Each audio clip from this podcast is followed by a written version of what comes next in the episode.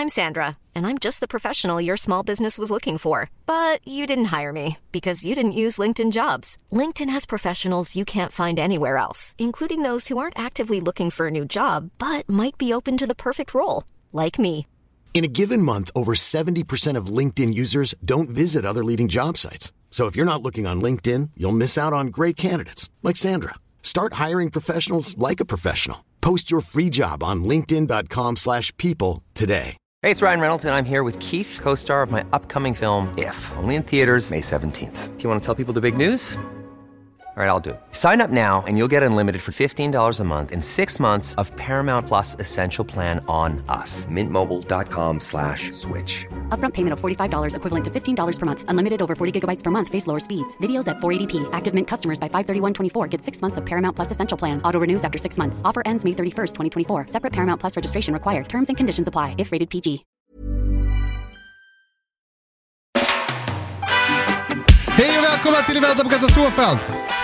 Eh, Jag heter Kalle Zackari Wahlström och med mig har jag som vanligt Patrik Sellman. Hej Patrik! Hej Kalle. Jo, det var ju det här att jag är lite förkyld. Nej, men jag Ja. vet fan. Jag är som lite täppt bara. Du har varit hemma med barn. Britta har varit och förlustat sig i fjällen och eh, jag har varit ensam och vabbat i fyra dagar. Då är du impregnerad med virus nu Kalle. Nu tränar du immunförsvaret. Ja, och eftersom jag har varit så understimulerad så var jag tvungen att träna nu på morgonen också i gymmet. Mm. Eh, jag vet inte om det var så smart, men nu är det gjort. Skönt i kroppen.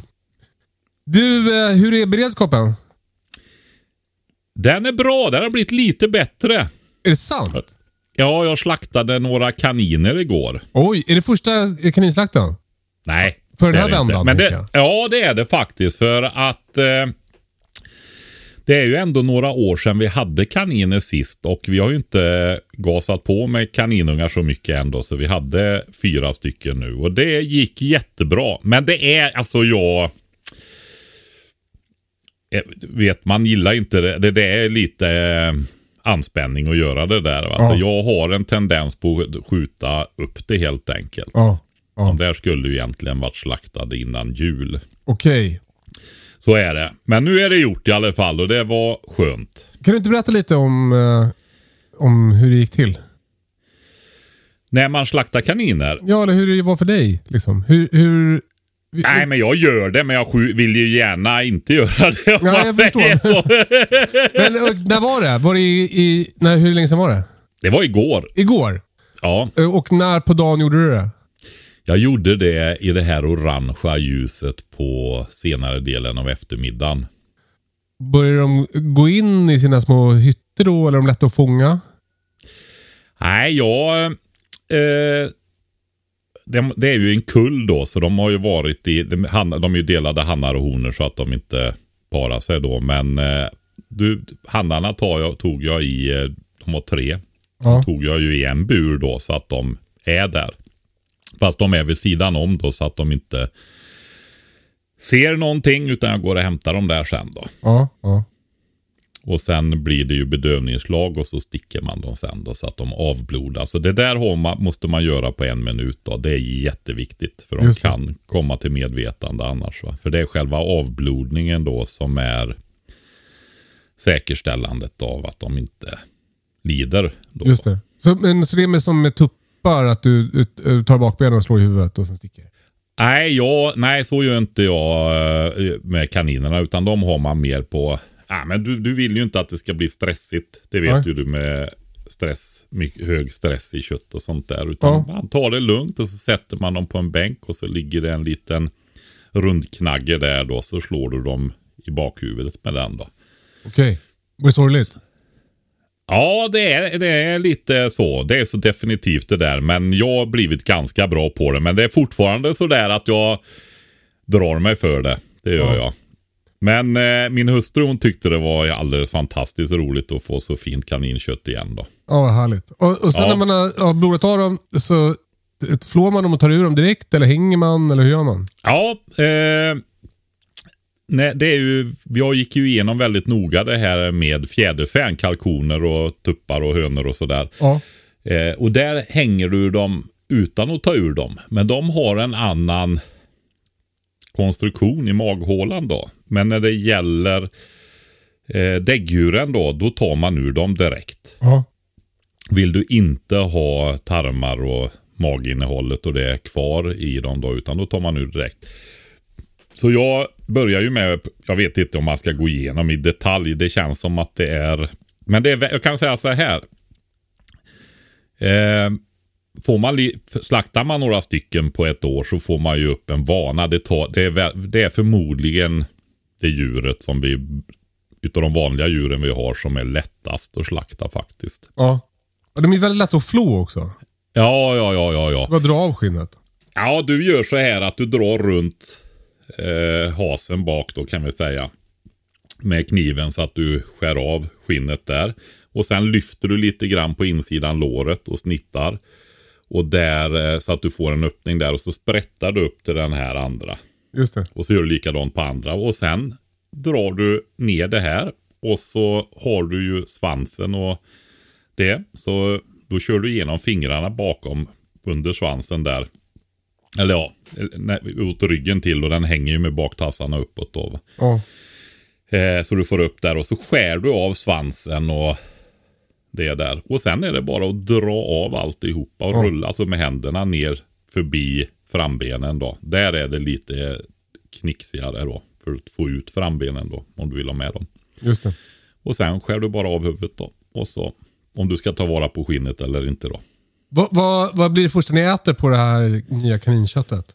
Alltså, jag, jag vet inte det. Vi ska eh, göra det här noggrant nu och testa och lyfta det lite mer än vad vi har gjort förut tänkte vi. Så mm, vi, eh, nej jag vet faktiskt inte det. Vi Nej. pratade om det lite grann. Det är ju min hustru som är den som ser till att vi får väldigt god mat här då. Mm. Så vi pratade lite om det igår men vi eh, har inte bestämt någonting. Nej. Kanintacos kanske? Nej, det tror jag inte. Det tror jag inte.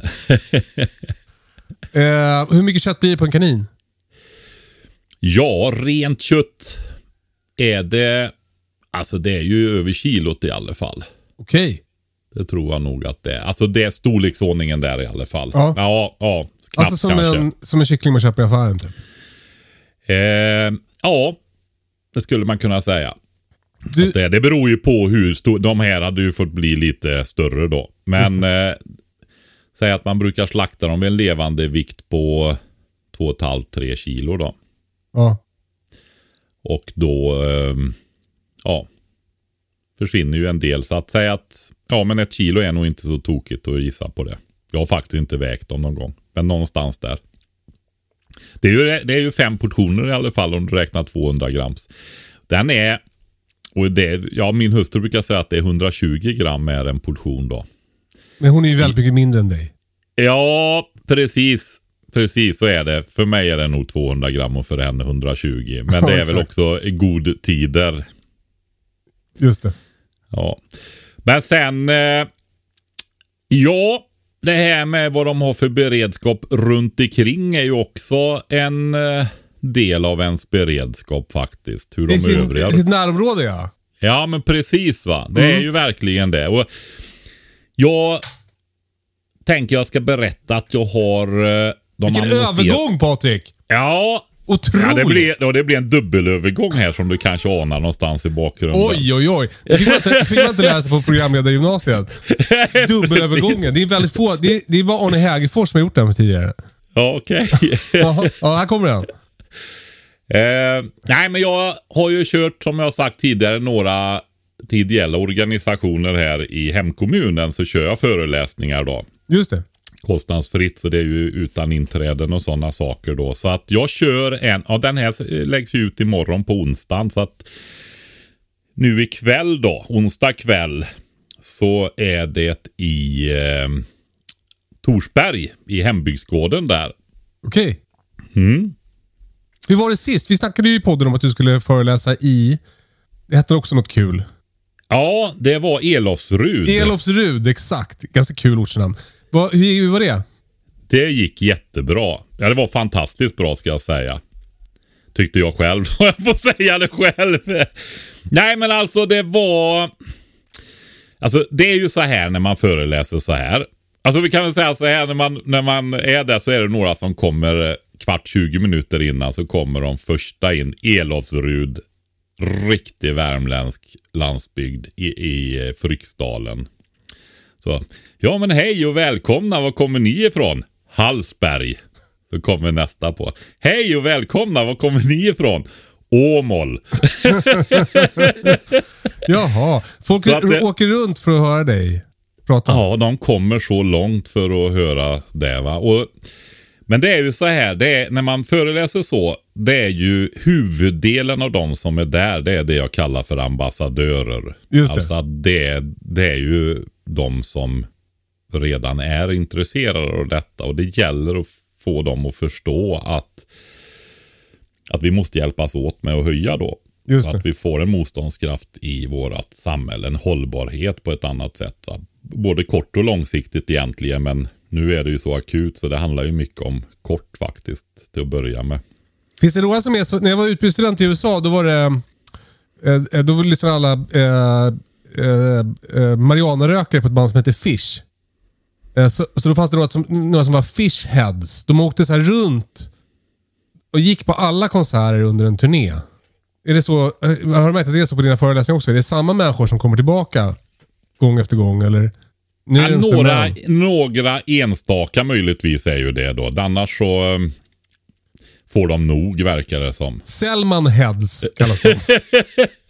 Men det är 18.30 då i eh, Torsbergs. Det ligger på östra sidan om Fryken. Man åker upp. Vi, vi låter dem använda Google Maps Patrik. Vi behöver inte Ja. dra en vägbeskrivning på, i podden. Nej. Men det är en eh, några kilometer nordost om Sunne är det i Värmland. Ja, Men sen är det faktiskt en nästa torsdag också. Okej. I Rockmackstugan vad är det? i, äng, i Ängen. Det är, det är verkligen långt ute i skogen. Ja. Men det är en sån utflyktsplats som är väldigt populär med en jag undrar om det är Friluftsfrämjandet, en gammal timmerstuga som de har uppe på en höjd med utsikt över byn Ängen och ner över sjön Ängen där. Och eh, det är många som åker dit för de gör våfflor och kaffe och fika och det finns eldstad och grillkåtor och sånt där. Och så en pulkabacke och fina skidspår då. Jaha, fint. Så den är en, ja jag har varit där och firat födelsedagar med vänner och sånt där. Så att eh, det är en jättefin stuga då, så den är välkänd lokalt här då. Det var då först nästa torsdag. Det är nästa torsdag. Gött. Ja, Du, eh, eh, eh, har du några mer föreläsningar eller ska vi gå vidare? nej nu är det bra. Nu går vi den där andra överföringen. Okej, just det. Ja, det här med omgivningen.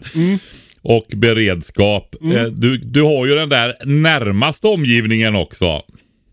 Den där omgivningen som bor i samma hus. Alltså ens eh, fru tänker du på? Eller gubbe, make. Eller vad det nu är, hur man väljer att leva sitt liv. Ja, precis. Livspartskamraten. Just det. Vad, vad tänkte du där? Ja, men jag tänker så här att, eh, ja dels har vi ju fått frågor om det. Jag har ju fått många frågor och du frågar ju också om det. Britta är ju inte riktigt lika på hugget som du är. Ja, men det är ju Men- så. Alltså, eh, det- är Jag kan- ju... Ja, förlåt. Ja, jag tänker så här, bara som en liten intro där, att när man väljer livsparskamrat så eh, man brukar tänka att ah, vi är så lika, vad bra och så vidare. Nej, man gör inte så. Man, möjligtvis det här med att man har lite samma föreställning om vad som är ett bra liv. Eh, ja, så att man kan jobba åt samma håll och så vidare. va? Ja. kanske uppskattar samma saker och ja, så. Eh, men sen är det faktiskt så här att man väljer ju en människa som kompletterar en själv. Ja, ja, ja. I stor utsträckning så gör man det. Alltså man idealiserar det där man inte själv är väldigt mycket. Och eh, ja, men det, det är sådär liksom, du vet den där målinriktade som gör lister och skriver upp. Nu har ju inte ni gjort så i er familj, men de har aldrig stått ut med er förmodligen. eller, eller vad tror du, Kalle? Ja, men det, det är ju spännande det där. För, för, alltså det här är ju en väldigt vanlig fråga som vi får.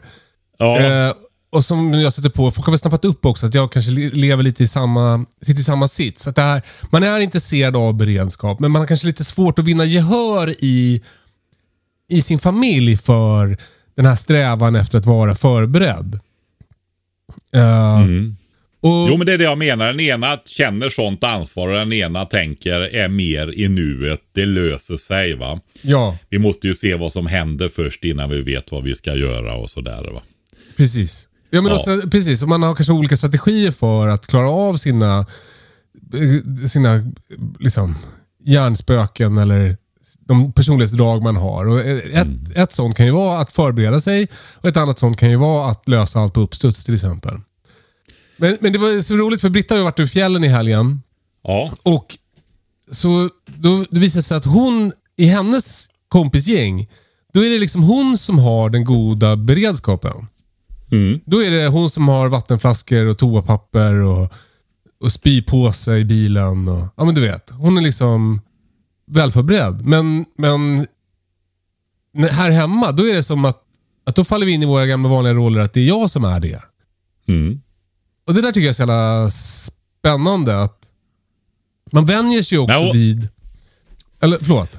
Ja, hon motarbetar inte dig i alla fall. Utan hon är ju med på det. Men det är liksom du som får dra i det om man säger så. Ja, men exakt. Och man, man, jag kan känna igen det där. Att man liksom finner sig i en, en, en en dynamik i gruppen man befinner sig i.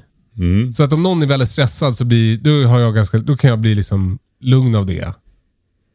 Men, men om någon är för lugn, då kan jag bli stressad. Och om någon tar väldigt stort ansvar för aktiviteten man ska göra, då, då kan jag åka med. Men om ingen tar ansvar för aktiviteten, då, då känner jag att jag behöver göra det. Mm. Och lite så här tror jag att Britta och jag funkar. Att, att jag liksom hållit på med det här med, med, med beredskap mycket mer än vad hon gör. Men sen är det väl också att, att man flyttar fram liksom eh, som eh, måttstocken för vad som är god beredskap flyttar sig också fram. Alltså, eh, Britta har väl kanske inte en full-blown hemgångsväska i, sitt, i sin bil. Men, men hon har toapapper. Och vatten. och vatten. Och det är liksom... Alltså att skalan flyttas. Mm. Men hur tänker du att man ska liksom peppa sin partner att, att bli bättre på beredskap? Ja, jag tänker att det är väl... Jag, jag, tänk, jag tänker att det kan ju inte finnas någon annan väg egentligen än att prata om det. Nej. Det handlar ju lite grann om det här att det går att trycka undan saker tills det inte går att trycka undan saker längre. va. Ja. Och vi brukar ju prata om det där med... Alltså vi, vi, jag tycker vi ger så mycket argument i den här podden. Just det här och som man kan ha som utgångspunkt att prata om. Och, och Två utav de tyngsta är ju egentligen det här med de här paradoxerna. Alltså ehm, att vi i flera generationer nu har levt i ett sånt enormt överflöd i form av lättillgänglighet av produkter från hela världen. Va? Det bara ligger ju där på hyllorna. Ja. Brukar ju prata om det där med den där kungen för några hundra år sedan fram till början på 1800-talet i alla fall och så gå in på en ICA Maxi och så säga att här handlar pigorna och drängarna och visa på priserna och berätta vad en, en enkel arbetare tjänar i timmen och vad mycket den kan köpa för det. Va? Ja. Ja. Eh, det är ju helt utflippat. ja. Men Ja, men samtidigt det, sam- har- alltså, I de här tiderna nu så är det väl också... Det, det här kanske känns att prata om för att det har ju blivit mycket dyrare i affärerna. Och jag, jag vet att folk har svårt att få pengarna att räcka till och man kan inte köpa samma grejer som man kanske alltid har kunnat och så vidare. Nej, men så är det ju. Eh, men det är fortfarande väldigt billigt i ett historiskt perspektiv. Ja, ja, men, precis. Men, ja, men så är det. Men eh, samtidigt så är det ju så. Vi har ju, vi har ju aldrig varit så här, eh, haft så här lite mat i vår närhet. Alltså när inte maten kan köras in med lastbilar, när dieseln inte finns där, när reservdelarna inte finns där. När inte de kan komma in i området av någon anledning. Nej men det gör slut på timmar i butiken va. Mm. Eh, vid normal handling är det slut på några dagar. Eh, och sen finns det ingen mat. Nej. Nej. Och eh, vatten, stora centrala anläggningar i städerna och så vidare, när de inte funkar. Oj då, gick det inte att få tag i kemikalier och rena vattnet. sa de under pandemin här. Rea, Och så gjorde de reaktivt så att de har lite mer kemikalier hemma nu då. Men elen då? Har de elkraft för att försörja reningsverken och pumpa upp i vattentorn och så vidare då? Så ähm, ja, det, det, det, är verkligen så att det är sårbart då. Det är ju den ena och den andra är ju just den här att vi behöver varandra. Vi, all, vi kan ju inte så mycket var och en av oss nu. Va? Vi är så specialiserade. Mm. Så vi försöker vara så himla självständiga och självcentrerade och alltihopa det här. Och samtidigt så har vi aldrig varit mer beroende av varandra. Nej. Alltså vi förverkligar oss själva men vi får hjälp med Ja, vad är det för förver förverkligande egentligen då? Ja. Vi har utrymme liksom i överflödet och strunta i att lära oss av grejer och så vidare. För vi måste inte.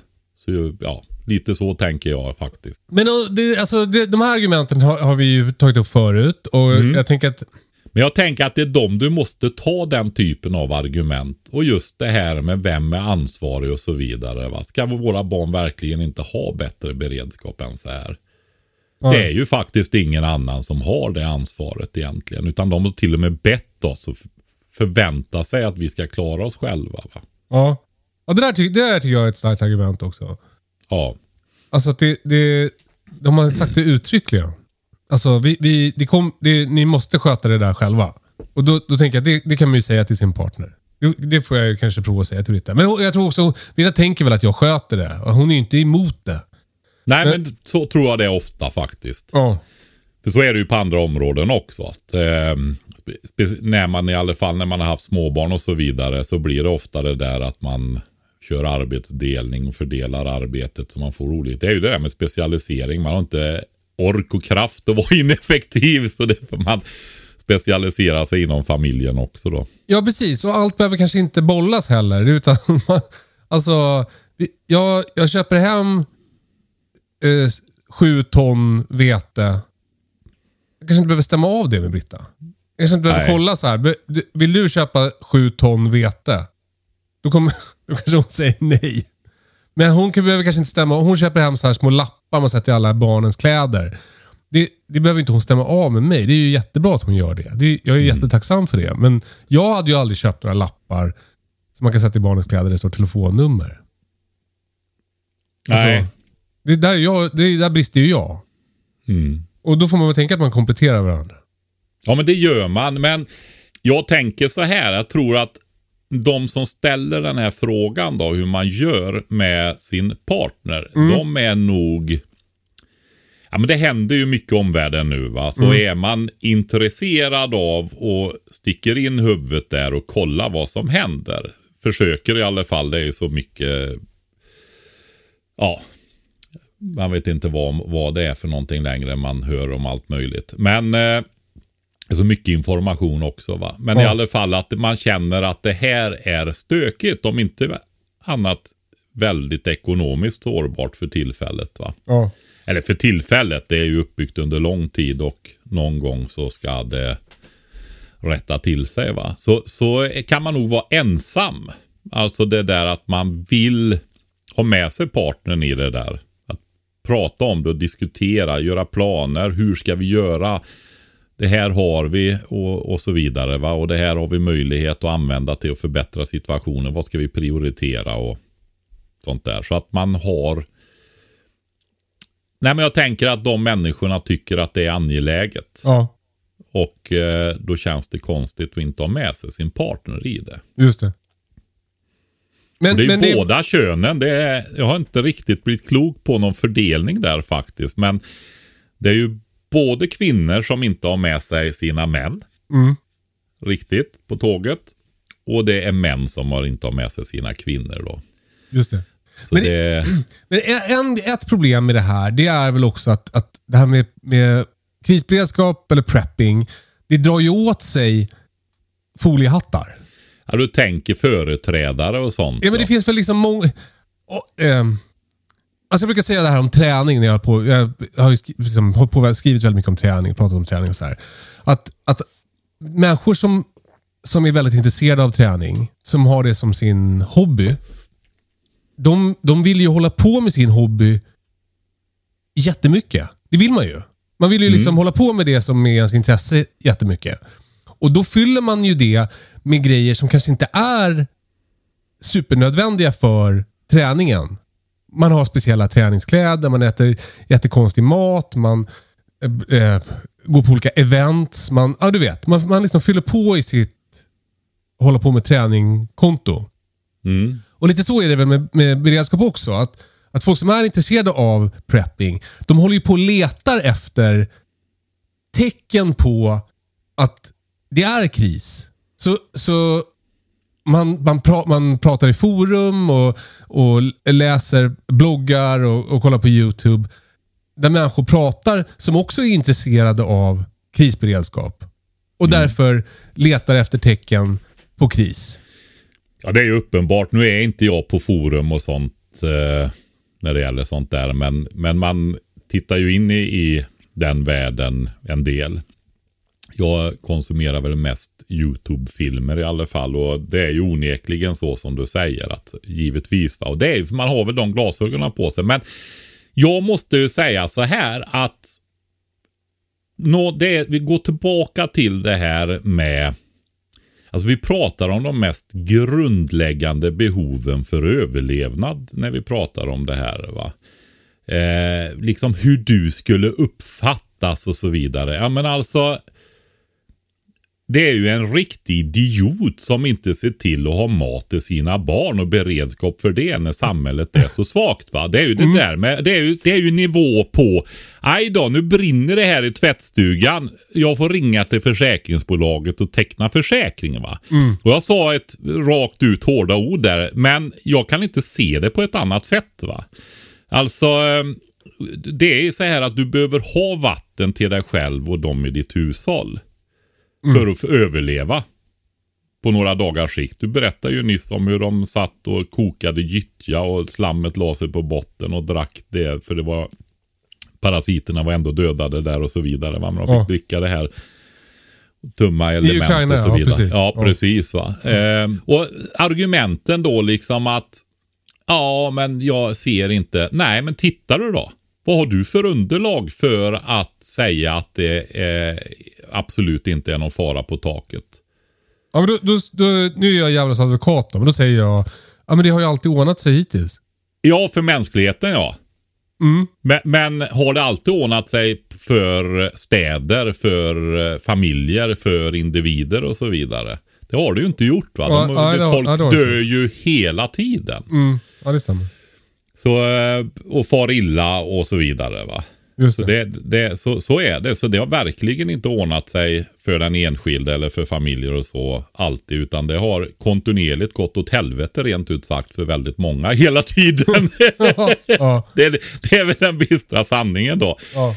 Nej men, eh, för, för du har ju också den här saken att det här som jag sa som hänger med den där första paradoxen att det finns så lite runt omkring oss. När det inte fungerar längre, då är det för sent. ja. Du kan inte vänta tills du ser det, tills du har det på bordet. Därför du har alla andra det på bordet också. Just det. Och då finns det inte någonting i ett just in time-samhälle att få. Nej. Förut så var det liksom gårdar, smågårdar, kor, spannmål, grisar, förädlingsindustrier då, alltså ja, industri och industri, men föreningsslakterier och mejerier och sånt överallt. va. De lever ju fortfarande de människorna som fanns i den världen. va. Sen har den ju avtagit successivt i och för sig då. Va? Så att nu finns det ju knappt kvarnar och, och slakterier i alla landskap ens en gång längre. va. Typ så. Så att, eh, ja. Det, det är verkligen, verkligen inte någonting som du kan skjuta upp. Alltså det är på nivå brandförsäkringen. va. Mm. Eh, helt jäm, jämförbart är det. Men kan man säga då att tipset till... Jag har, jag har inte mejlet framför mig så jag kommer inte ihåg vad, vad hen hette som mejlade om, om det här med att känna sig motarbetad av sin partner. Men, men kan, man, kan man säga att man försöker tänka ut sin, gemens, alltså sin, sin egen kanske lägsta nivå av beredskap och presentera den och säga så här, så här, så den, här den här beredskapen vill jag ha hemma. Uh, och det vill jag att vi samarbeta kring. Och sen så kan man tänka att, att utöver det så kan man då hålla på och göra det till sitt intresse om man, om man tycker det. Så ofta blir det ju så att börjar man tänka i de här banorna så blir ju sakerna tydligare. va. Mm. Så är det ju. Det gäller väl de flesta områden men det här, här blir det ju jättetydligt och man börjar förstå saker och ja, vaknar i olika delar efterhand. Va? Så att eh, då ökar ju intresset också för det. va. Och till syvende och sist så handlar det ju egentligen om att få det som normalt funkar till vardags och få uthållighet. Alltså det är ju grejer som du kommer att använda och som du behöver. Och nu är vi ju verkligen i den situationen att det är en investering. Va? I och med att det är troligt att det blir eh, fortsatta prisökningar. Va? Ja. Det, det är ju ingenting som tyder på något annat i alla fall. Alltså du kommer ändå använda diskborste så du kan lika gärna köpa hem 10. Den grejen. Att Vi brukar väl säga att tre är bra. Ja. Jag, har, jag har tio, va? jag kör med tio regeln istället. Nej, jag skojar bara. Ingen är förvånad. Nej, men eh, eh, det gör jag ju faktiskt inte. Jag håller mig till tre regeln också. Men sen har jag utav vissa grejer har jag faktiskt mer än tre då. Potatisskalare till exempel. Ja. Snyggt. Eh, ska vi gå vidare Patrik? Ja, tycker du att vi är färdiga där? Alltså jag, ska vi inte summera ihop det lite mer också där? Att vi... Eh, vad jag egentligen och vad vi har sagt då alltså. Det är ju det här att vi pratar med varandra och vi måste lägga argumenten. Men alltså jag tänkte, jag sa aldrig det förut, men jag... När man träffar och ser människor så är det ju väldigt många människor som är extremt skamstyrda. Va? Alltså det här, vad ska andra människor tänka om mig? Man vill inte sticka ut någonting. va. Och det här som du sa med den här, någon form av stämpel på människor. Va? Hur kommer man förbi det? Alltså folk är ju totalt skräckslagna för de där känslorna. Va? Och, nej, men alltså, det, det, det, är ju en typ sån där. Nej men mina barn ska inte ha någon beredskap därför att det är pinsamt. Ja. Förstår du? Ja. Ja. ja, det låter ju dumt. Ja visst gör det, men det är ju så mycket annat vi gör och var och en kämpar väl med sitt va. Men jag tror att det är ett hyfsat inslag av detta. Förutom att folk inte förstår heller va. Det är ju olika där också. Kan ett annat tips vara att om ens partner inte vill ha någon beredskap, att man bara stänger av strömmen en dag? Ja, och kanske faktiskt konkret. För en del människor är ju väldigt konkreta, alltså inte abstrakta. Har svårt att se och följa långa tankebanor och komplexa grejer och så vidare. Men å andra sidan oerhört bra på att se detaljer och iaktta och så vidare. Va? Vi är ju olika. Och då kanske man ska sätta sig ner i lugn och ro över en kopp kaffe och prata. Ja, men vad händer om inte strömmen kommer nu då? Vad, vad är det i huset här? Hur blir det med jobb? Och vad händer i sjukvården? Och, ja, men så här, va? Hur kan vi transportera oss? Och det här som vi har pratat om tidigare. Hur, hur med barnen? Du är där och jag är där. Tova är där. Alexander är där. Mattias är där. Hur... Eh, hur ska vi få tag i varandra om det faktiskt är så att vi inte kan prata med varandra på mobiler eller få tag i skolor eller någonting sånt där. Mm. Och så lyfta, hjälpa de superkonkreta människorna och se de här sakerna också i samtal då. Va? Det är samtalet som gäller. Fan, det låter ju så enkelt när du säger det. Nej, det är ju inte det. Vi är ju folk och människor. Vi har ju pratat om det här med lång... Alltså vi måste ju lära oss. Och sen, eh, nej men samtal och eh, eh, med respekt och också att man lyssnar och verkligen försöker förstå. Det kan ju vara ett bra ämne faktiskt att verkligen prata om saker i familjen också. För att det tror jag inte vi gör tillräckligt mycket heller. Va? Varken med barnen eller med varandra, de vuxna. Så eh, det är ju ett konkret tips att faktiskt öva. Det är det- konkreta tipset. Ja. Öva på att prata och då till exempel om krisberedskap. Mm. Nu går vi vidare. Det gör vi.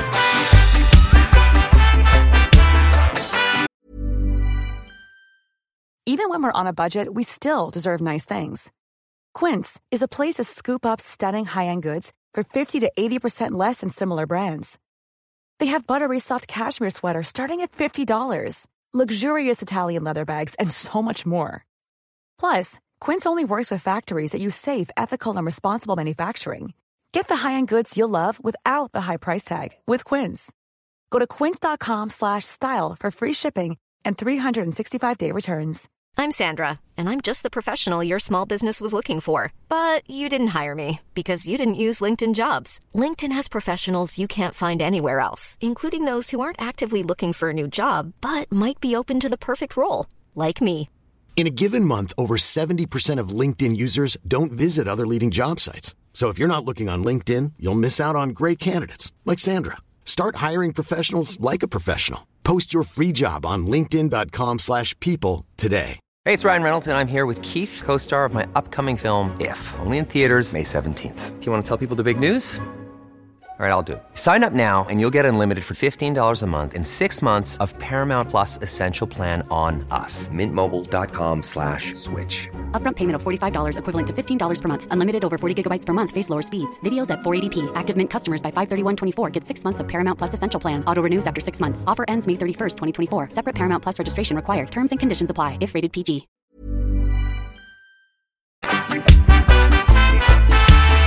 Eh, Vi har fått en fråga till podden från Johan. Han skriver så här. Jag är en hobbyodlare men tänkte byta fokus från mina fantastiska F1-hybrider. Vad är F1-hybrider Patrik? Alltså det är första generationens korsning mellan två olika sorter och det används väldigt mycket i kommersiell eh, odling. Och även av många hobbyodlare också. Men det går inte att ta frö från dem. Jo, det gör det. Men de är inte så stabila då. va. Just det. Eh, Så att du får inte samma egenskaper. Utan du kan få många olika En spräcklig gurka. instabilitet kan vi säga. Hybrider är instabila genetiskt om man säger så med avkommorna då.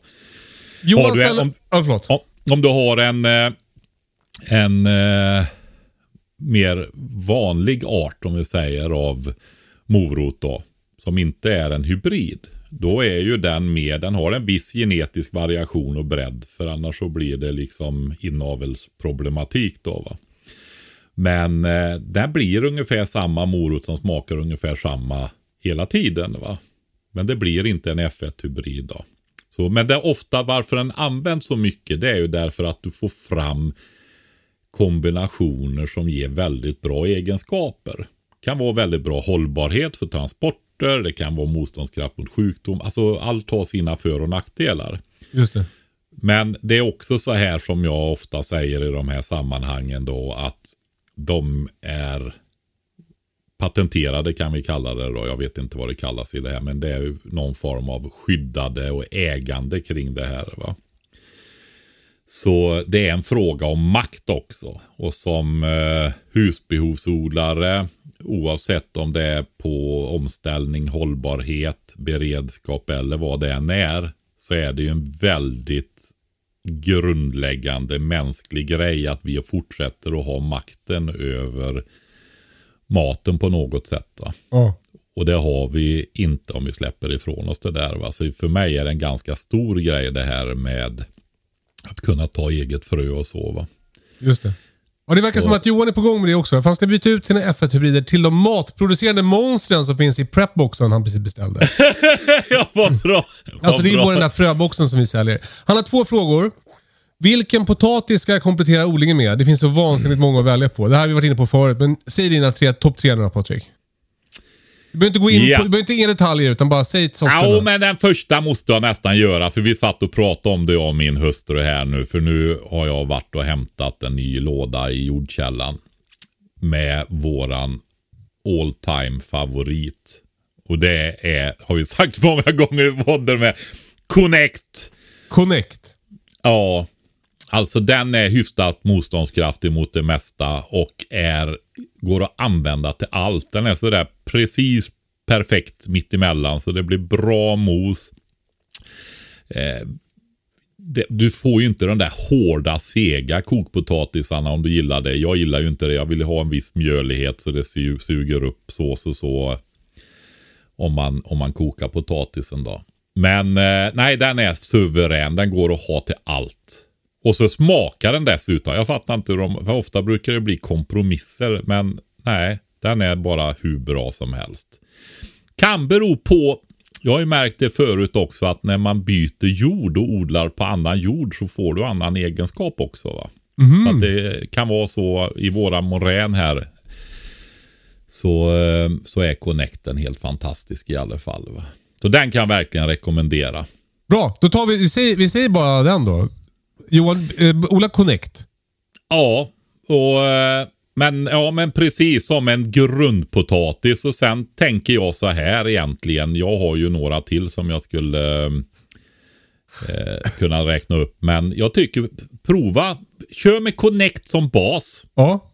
Och sen eh, testar man lite olika och försöker hitta sina favoriter helt enkelt. Perfekt tips. Ja. Johans andra fråga är, är om gödning. Mm. Han undrar, hur, hur ska jag tänka för att maximera produktionen? Jag har ingen enkel tillgång på naturgödsel. Tänker att jag ska tillföra guldvatten, alltså kiss blandat med vatten, Mm. nässelvatten och sen fuska med MPK-gödning. Vad är det? N är ju kemiska beteckningen för kväve och P är för fosfor och K är för kalium. Ah, ja, konstgödsel. Det är konstgödsel ja. Eh, alltså, det där beror ju lite på var man bor. På tal om det där med att skämmas och inte vara för konstig och bli mobbad av grannarna och så vidare. Men, ja, men bor du i tättbebyggda områden så får man ju faktiskt, har du ju en större grad av hänsyn och så vidare också mot grannar och sånt. Självklart va. Men det är ju så här att om du tittar på man brukar prata om att göra en näringsanalys av en fastighet när man eh, gör pla planerar och sånt där. Och eh, vad, när man handlar mat mycket, vilket man gör om man bor på en mindre och är bara odlar lite grann, va, så handlar du ju mycket mat och då flyttar du ju in den näringen till din fastighet faktiskt. Du köper ju in näring. Du kommer ju att äta huvuddelen av den. Men det beror ju på hur, med urinen just som han sa där så går det ju att ta vara på urinen. Och den innehåller jättemycket näring. Och man, behöver, man kan ju dels vattna på eh, lämpliga ställen då va. Med den som övergödsning till exempel på runt kolplanter som behöver mycket majsplanter. Foderbetor ska vi inte prata om som är enormt eh, näringskrävande. Va? Men sen kan man också tänka sig att man har en, vad kallas de nu, injektor. Nej men det är eh, en behållare där du placerar urin. Och sen när du vattnar så doserar den ut Ja, du kommer på Relativt. vattenslangen va? Det har vi berättat om förut. Precis.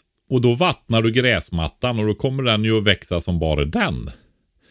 Och då får du ju organiskt material som du i sin tur då kan kompostera eller lägga direkt på landet va, när du klipper gräsmattan. Just det. Du liksom kör runt näringen och så får du, för lägger du grönt gräsklipp, alltså gröna växter, är ju, innehåller ju allt som gröna växter behöver. Det, det är nog magiskt med det där, men det, det är tydligen så. Ganska självklart förmodar jag att de flesta inser.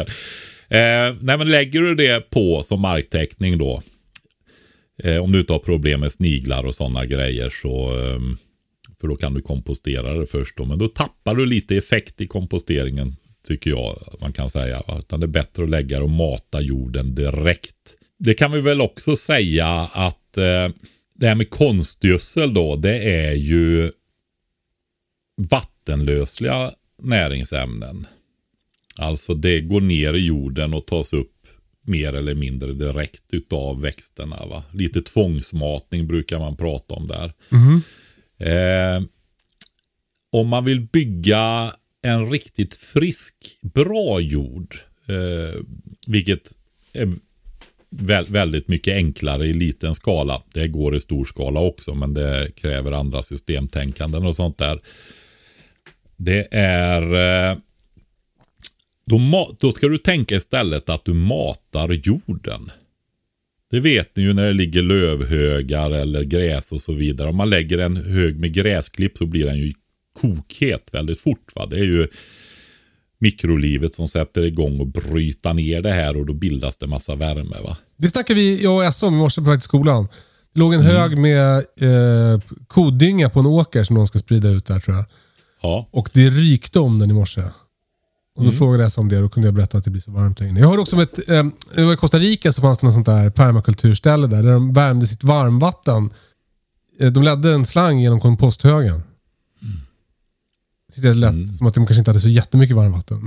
men, men lite kanske. Nej, men man kan väl säga så här att du bygger upp livet i jorden då. Som bryter ner. Alltså, man, du har ju, tar du 100 gånger 100 eh, meter, ett hektar, och tittar på de översta 30 centimetrarnas matjordsskikt där. Så är det alltså flera tio, tiotals ton med levande organismer. Det är alger, bakterier, maskar, insekter. Enorma mängder. va. Ja. Och ju mer du matar det här livet, ju kraftfullare blir ju det. Och det, är- då binds ju näringen där, för de här lever ju och dör och frigörs och mineraliseras på ett sätt då som egentligen växterna är ordentligt anpassade för. Va? Så är det. Så att på något sätt så får du ökad biologisk mångfald. Du får eh, en friskare jord. Det är ju inte bara det utan du får ju också humus som är de här eh, långsamt nedbrytande kol organiska kolföreningarna som gör att jorden blir väldigt lucker och luftig och så vidare också. Va? Det kan man se på en del ställen eh, i det här konstgödsel konventionella jordbruket att du får jordpackning och det beror inte bara på tunga maskiner och så vidare utan det beror på att du förbrukar det här humusen då i jorden. Den minskar den mängden eftersom man kanske till och med skördar halmen och kör till värmeverk och eldar upp den. Va? Så inte ens halmen ifrån säden ligger kvar och förmultnar och hjälper till att bygga upp kollagret då i jorden. Va? Jag brukar säga att det tar ungefär 100 år i omsättning på humus. Då. Sen går det att skynda på de här processerna men i stor skala där det krävs så väldigt mycket så är det, tar det längre tid. Då, va? I den lilla odlingen så är det ju till, du kan ju bygga upp enormt fin jord på några år. Va? På något år skulle jag säga nästan. Va? Det låter ju på, eh, för, förhoppningsfullt. Ja, men mata jorden istället för växterna. Om man bara kan få in det grundtänket. Och mata jorden, det gör du med organiskt material. Löv, gräs, gödsel och så vidare. Va? Och Ja. även urin då, guldvatten som han säger där. Va? Du kan ju även odla växter på en delar av trädgården eh, som producerar stor bladmassa till exempel. Va? Som du komposterar eller lägger på dina land. Så att du odlar näringen på vissa delar som du slår. Har du klöverväxter och sånt där, baljväxter, så ackumulerar du ju även det här ämnet och kvävet ifrån luften. Det är ju 80% kväve i luften. va. Just det. Så eh, binder du det och gör det tillgängligt för växterna med hjälp av bakterier som de har sig på sina rötter. Då, va? Så får du kvävegödsling där också. Som du kan använda i ditt land. Det beror ju på storlekar, vad du har för förutsättningar och sånt där. Men det går, antingen, när du köper in näring, har du djur, då köper du kanske pellets eller hö eller sådana saker. Och då köper du också in näring till din fastighet. Ja. Det gissar att han inte har då eftersom han... Nej, men det, det, för alla andra som också lyssnar på podden så är det ju så. Va? Det här tänket. Då köper du in näring och du får både kött, ägg kanske och gödsel. Som Just du kan det. använda. Då tillför du ju mer näring till dina odlingar då. Va? Eh, Jag har till exempel en skuggig plats bakom ladan där det växer väldigt mycket vallört. Mm. Den har jag förstått är väldigt näringsrik. Det är ju en sån superväxt. Det är nässlor också egentligen. Va? Ja. Men då, det kan ju vara bra att skörda innan de går i frö då. Men, Men, då, eh, då skördar man det och lägger i en hög och sen så nästa år är det jord. Ja, eller om du lägger det mellan raderna direkt så att det får vara marktäckning och, och skydda jorden samtidigt som det bryts ner och matar livet i jorden då och indirekt växterna också då. Va? minskar avdunstningen så att du inte behöver vattna lika mycket och sådana där grejer. Va? Det är ju en sån där grej när det verkligen eh, kniper. När det inte kommer vatten i kranen utan du får fixa fram vatten och sånt där. Då är ju marktäckning väldigt värdefullt att ha som redskap alltså. Så ett tips som jag vill ge till Johan också, det, det är att en grej som jag, som jag inte hade fattat innan jag flyttade till landet. Det är liksom hur, hur, hur lätt, om man bara börjar luska lite så är det ganska lätt att få tag på grejer. Alltså, eh, alla stall har ju stora högar med gödsel utanför. Om du ber att få ta några säckar så kommer det säkert gå jättebra. Säg att du köper en säck morötter till hästarna som tack så kommer det gå ännu bättre. Och likaså eh, eh, ensilagebalar, sådana stora vita inplastade balar som, som eh, folk ger till sina djur. Om det går hål på en sån, då, då är den förstörd. Men, men då är det liksom eh, 700 kilo prima näringsrikt kompostmaterial. Jajamensan, och du vet, det, det är som, åker du till soptippen, åt, ja det heter ju återvinningscentralen numera. Ja, ja.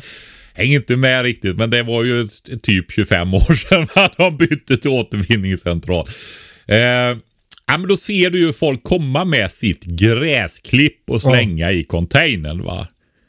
Säg att de lägger i en behållare som du har på din garageuppfart istället så kan de gå dit och lägga den där istället för att köra ända till återvinningscentralen. Så får du utav grannarna deras näring då. Va? Och alla sjuka jävlar som krattar bort sina löv från gräsmattan och lägger i säckar till återvinningscentralen. De snor åt de löven. Ja, man kanske inte behöver sno dem. Ja, man det kan ju tillföra en extra krydda i tillvaron. Smyga in klockan två på natten och sno dem om man tycker det. Men annars kan man ju fråga om man får ta dem Just det, också. just det. Ja, Så ja. Kalle, Kalle.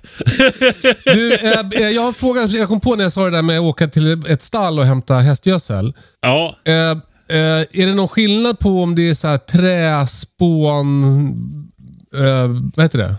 Underlag i stallet? Alltså bajset är blandat med träspån eller halm eller? Alltså jag skulle säga så här, ofta när det gäller hästar så är det ju så att de när de gödslar ut där så är det ju ofta så att man har eh, grepar som är väldigt bra på att bara ta upp bajset i huvudsak. Va? Ja. Eh, sen kan de behöva ta ut lite mer där det har varit där de kissar då. Va? Men ofta är det mycket eh, hästbajs i huvudsak i sån gödsel då. Och eh, visst, det är bättre om det skulle vara något annat än det. För att det bryts ner långsamt. Är det, bar, det är terpentiner och sådana grejer i. Va? Så att, men jag, det, kompostera det då först. Eh, när det, om du har det. Man får ta det man får tag i. Det är ju hellre det än ingenting. ja. Men jag skulle också säga till han så här att det finns, eh, och till alla andra där, att ett annat sätt att få in näring till din fastighet, till dina odlingar, det är faktiskt lär dig slå med lie. Och så går du ut på allmänningen och slår med lie där och kollar att det är okej. Okay. Oftast är det ju precis så att åh vad roligt att du vill slå med lie. Och så slår du ju ner den ängen, vallen eller så mycket du vill ha. Du kan ju ta lite efterhand så det inte blir något alltför stor ansträngning utan gå ut och ha trevligt en kvart. Och så tar du hem detta med cykelkärran sen va. Eh, och då har du flyttat hem näring ifrån den allmänningen, ifrån den lekytan, den ängen eller vad det kan vara för någonting till din tomt va. Och gödslar med det. Och så slipper kommunen komma med sin gräsklippare på släpkärra och klippa det där. Ja, om det är ni hjälps åt med den där lite större gräsytan till exempel också så påverkar ni ju floran dessutom och kanske får en ökad biologisk mångfald och mer insektsliv och så vidare. För att det är ju faktiskt så att när, för du, i och med att du flyttar näring därifrån då så magrar du ju den ytan. Och det gynnar örter mer än gräs då. Just det. Och örterna är ju mer blommande örter då. Va? Så att eh, ju mer du tar ifrån den där ängen, ju magrare blir ju den. För du flyttar ju näringen till din tomt. Så får du fler blommor på ängen dessutom och mer insekter då. Eh, Johan, eh, köp en lie och börja slå allmänningar med lie. Du kommer också få ett coolt smeknamn. Liemannen. Ja, Du, eh, en grej som jag också har hört om det här vi pratar om nu.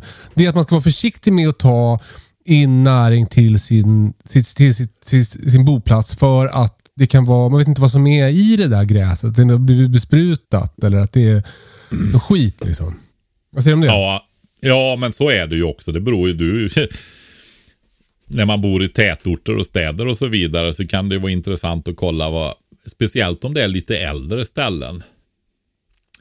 När de inte, ja men du vet, vad är det under här? Vad var det här innan? Här är ett gammalt industriställe, sanerade de ordentligt? Ja. Sådana saker också. Så det, det, finns ju alla möjligheter. Alltså så om Johan då tar sin li och börjar slå på en gräsplätt där det legat en kvicksilverfabrik för, då, då kommer han få problem. Mm, och ännu värre om det var där han bor då. Just det. Ja, men jag menar det här att flytta in. Alltså, jag pratade om det där att ta en, en förstörd ensilagebal. Mm. Skulle det kunna finnas något dåligt med att ta hit den där ensilagebalen? Nej, jag skulle inte säga det. Alltså det är ju... Nej.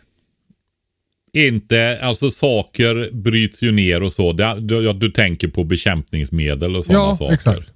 Nej, jag skulle inte. Man kan vara jättenoga med det där. Eh, för det är ju också så att, ja, hur, eh, vi har väl ganska bra kunskaper om sådana saker, men jag, eh, det finns alltid mer att lära, så man kan alltid vara olika grad av försiktighet och så vidare. Men nej, eh, jag, jag, skulle ta en eh, ensilagebal även ifrån en eh, konventionell bonde. Om han är, alltså det går inte att missbruka eh, för mycket.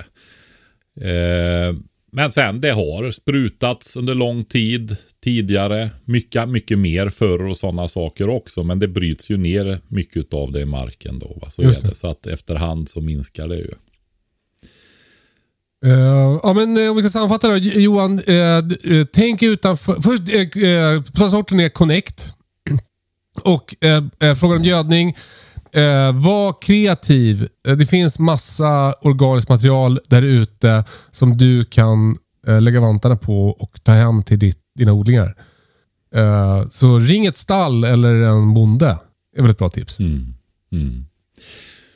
Jag får väl säga så här lite grann. Jag tänkte på det där med ensilagebalen. Jag vill tillägga ett, en sak där.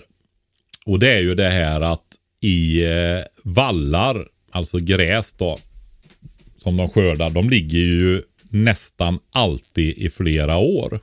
Ja. Och eh, de sprutas ju inte. Nej. Utan då är det ju gjort innan i så fall. Och när det visste något annat där ja. Ja men precis va. Och snarare är det ju så här att vallarna i sig. Kör du ett ekologiskt jordbruk då är ju en vall motorn verkligen i den. Va? Så ett, ett hållbart ekologiskt jordbruk det innefattar både djur och växter. Så är det bara. Vi har massa, där jag har varit så är det ju så. Jag ser ju det, ogräset bara exploderar från år till år. Det går inte att hålla i kontroll. Eh, om du bara kör en växtodlingsgård ekologiskt. Va? Du får ju till slut avbryta ekoodlingen och, och ställa gården till rätta igen. Va? Men har du vallar som du kör i tre, fyra år i din växtföljd då va. Alltså eh, man har en, en spannmål där man sår in en vall och så skördar man spannmålen och så får vallen växa upp och så ligger den där så slår man den och betar den under tre till fyra år. Då bekämpar du rotogräs och sådana saker så pass bra med den. Så den vallen är en stor del av ogräsbekämpningen då i och med att du slår den och betar den och så. Ja. Så, så ja. Jag, jag, jag skulle säga att det är en av de bra inslagen i jordbruket. Eller i alla fall en av de bättre. Man kunde ju tänka sig att det fanns eh, större variation och så vidare då. Men det är en, ändå en av de bättre grejerna faktiskt i det moderna jordbruket också då. Viktig grej. Snyggt. Vi ska avsluta med en, en ljudfråga. Vi har varit inne på det här tidigare, men det är värt att repetera. Mm. Halloj! Jag har en liten fråga till er. Går det att långtidslagra fröer på något sätt? Jag skulle själv vilja köpa på mig fröer och spara dem under en lång tid så att man har det. Om det skulle bli en kris där det kanske inte går att få tag på fröer så har man en, eh, en bank, en fröbank, sparad helt enkelt, eh, som man kan ta fram när det behövs. Eh, finns det något sätt att långtidslagra fröer? Går det att långtidslagra fröer? Ja, vad är lång tid? Eh, Kalle? Ja, ja, ja det, det är väl en definitionsfråga. Men, men eh, alltså, vi har pratat om det här förut. Det är ju vissa sorter som är bättre att långtidslagra än andra. Och eh, Sen har det med temperatur, och luftfuktighet och, och ljus att göra. Ja. Men generellt kan man väl säga, men vad säger du istället? Varför ska jag hålla på och gissa om det här Patrik? Ja men du vet väl. Ja, men Nej, men vi säger så här. Jag gjorde groningsprover nu. ja. Eh, det var svårt att få tag i foderbetsfrö här i Sverige. Eh, och jag hade två större förpackningar med foderbeter. Och den äldsta där är var från 2014. Åtta år, nio år. Ja, nio år precis. Och den är säkert då, det var väl bäst för, eller ja, använd senast 2014 eller något sånt där. Så den kan ju vara något eller ett par år äldre än det också då. Va? Men eh, det var nog 50-60% grobarhet på den.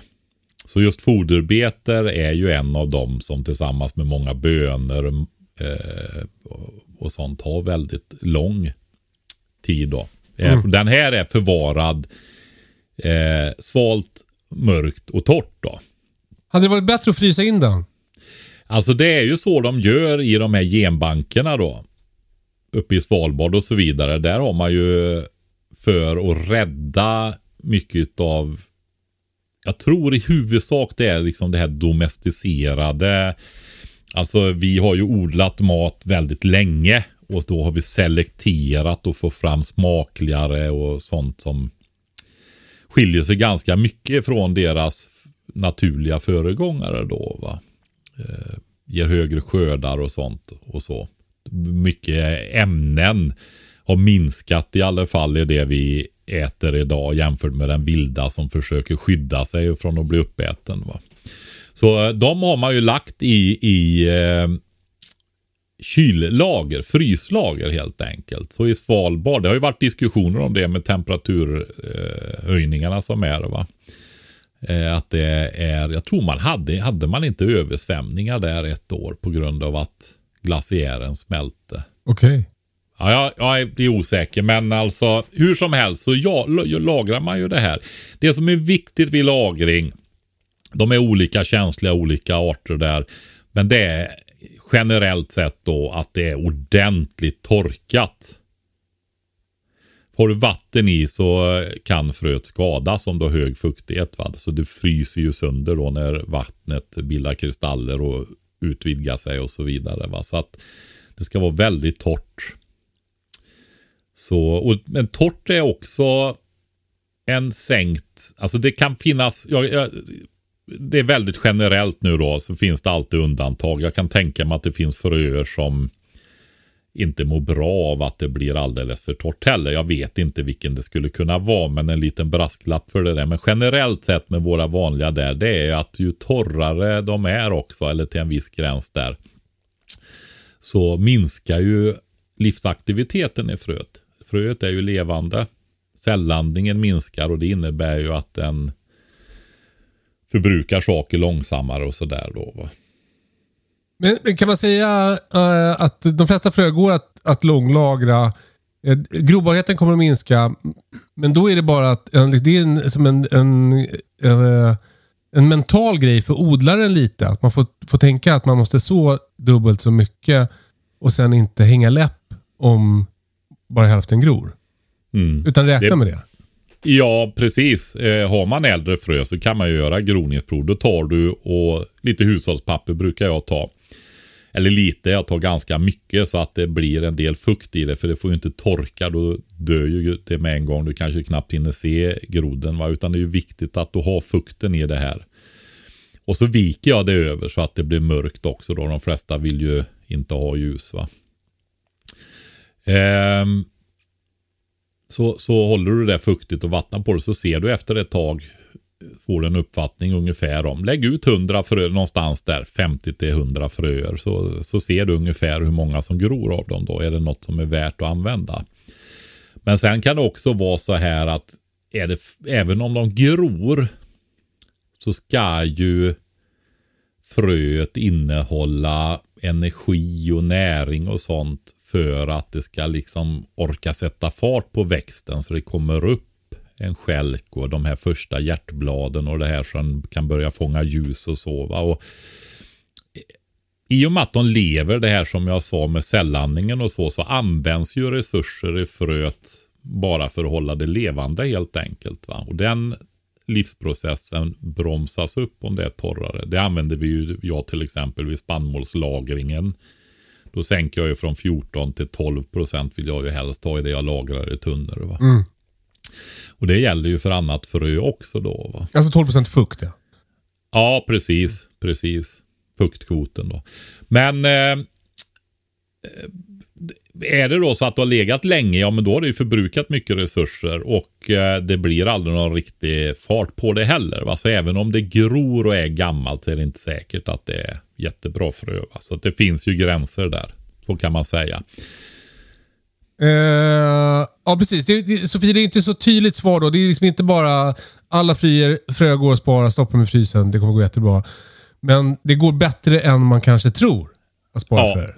Precis. Men sen vill jag ju också säga så här att de flesta, alltså det är inte svårt att odla eget frö. Det är som något så här, åh, superkomplext långt borta. Men herregud, bara några fina morötter och sätt ner dem i jorden. Så kommer det och på våren sen så kommer det att gå upp en jättefin buske och blomma och fullt i insekter och så har du massvis med morotsfrö sen va. Jag har ett Eh. jättelyckat exempel med det där som jag håller på med just nu. Jag, för tre år sedan fick jag av Brittas bästa kompis eh, abkasiska chilifröer. Mm. Och de är nu då, har jag odlat varje år och tar eget frö på. Och nu såg jag att de hade grott otroligt bra och jag får, kommer få jättemycket sådana planter att ställa i Mm. växthuset. Inget easy peasy. Det, en del grejer kanske är lite mer avancerat och många kolväxter och sådär. Att man får se hur man ska göra och förvara dem och sådär. Men rotfrukterna och eh, de ettåriga och eh, ja alltså du, du har ju eh, de här frukterna också. Om du har eh, meloner, gurkor, tomater, chilisar, alltihopa. Du, du ser ju fröerna. Ja. Se till att det får mogna ordentligt de som du ska ta frö efter och sen behåller du bara fröerna och så sår du dem nästa år. Det är ju, det är eh, inte så märkvärdigt om man ska vara riktigt ärlig. Sen kan man ju då utveckla det där och fördjupa sig i det där. Jätteintressant va. Och framförallt kanske det här med selektion och sånt. Så att det är mycket, jag, jag uppmanar verkligen till det där att faktiskt det är många som börjar försöka. Alltså man behöver inte göra något superpretentiöst men börja experimentera så du får lite erfarenhet och ser, ja, okej när ska jag ta fröet här? Nej men jag ska nog vänta lite till och så. Ah, nu har den börjat tappa frö där, nu får jag skynda mig att ta det sista. Ja men så man hittar preferenser och gör misstagen och sådär lite grann och får lära sig va. För det är Alltså, och det, jag måste säga så här, det, frö är ju bland det roligaste som finns att skörda faktiskt. Eh, jag skulle vilja ha tips från er som lyssnar. Om det är någon som har en bra fröförvaringslåda. Jag tänker typ som en låda för fiskedrag med lite djupare lådor. Eller fack där man kan stoppa fröpåsar men också mindre fack där man kan stoppa eh, sådana eh, redline eh, eh, knarkpåsar med fröer. Eh, för att jag till exempel tog frö från min bästa tomat förra året och de är borta nu. Så då, då hade jag velat ha, jag skulle ha liksom lite mer struktur på mina fröer. Så om det är någon som har tips på en sån behållare så får ni gärna höra av er till, till eh, podden på Instagram. Skicka DM. Ja, Eh, du Paul, nu ska vi sluta. ska vi göra det? Ja, Jag, jag kan komma med ett litet tips Kalle som är väldigt enkelt. ja gärna.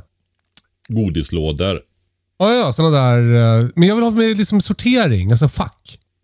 Mm, Är du med? men ja, precis. Jag har många godislådor som jag staplar på varandra. Så har jag chili och paprika i en och rotfrukter i en och blad i en och ja, bra, bra, bra. och kryddor i en och så vidare. Och du får ju liksom som ett kartotek då. Då st- ställer du ju påsarna i dem där. Ja, smart. Måste jag bara köpa jättemycket godis. Nej, så gör man inte med godislådor, Kalle. Hur gör man man gör så här. Man go- du, hur mycket godislådor tror du de har i en godisaffär? Det är ju ett problem för dem alla godislådor. De köper Okej. hela tiden. Du går dit. Skulle jag kunna få 73 stycken godislådor? Ja, här får du, säger de Gud då. vad. Det här ska jag göra nu. Lås in dina det. godislådor i alla godisaffärer, för nu kommer jag.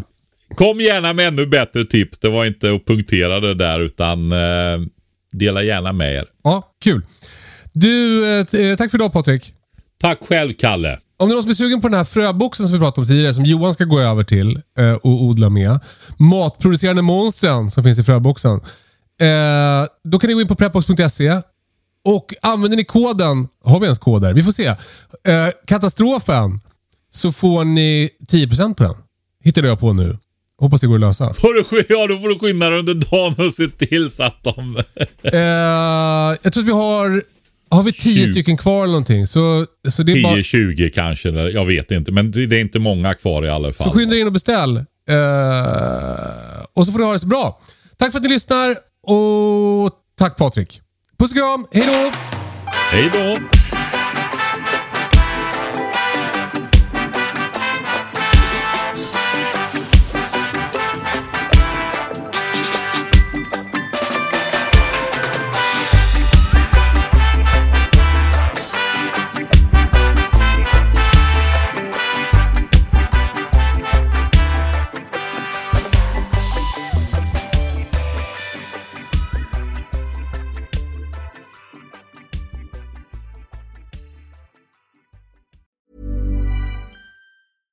Hey, it's Paige DeSorbo from Giggly Squad. High quality fashion without the price tag. Say hello to Quince. I'm snagging high-end essentials like cozy cashmere sweaters, sleek leather jackets, fine jewelry, and so much more. With Quince being 50 to 80% less than similar brands. And they partner with factories that prioritize safe, ethical, and responsible manufacturing. I love that. Luxury quality within reach. Go to quince.com slash style to get free shipping and 365 day returns on your next order. Quince.com slash style.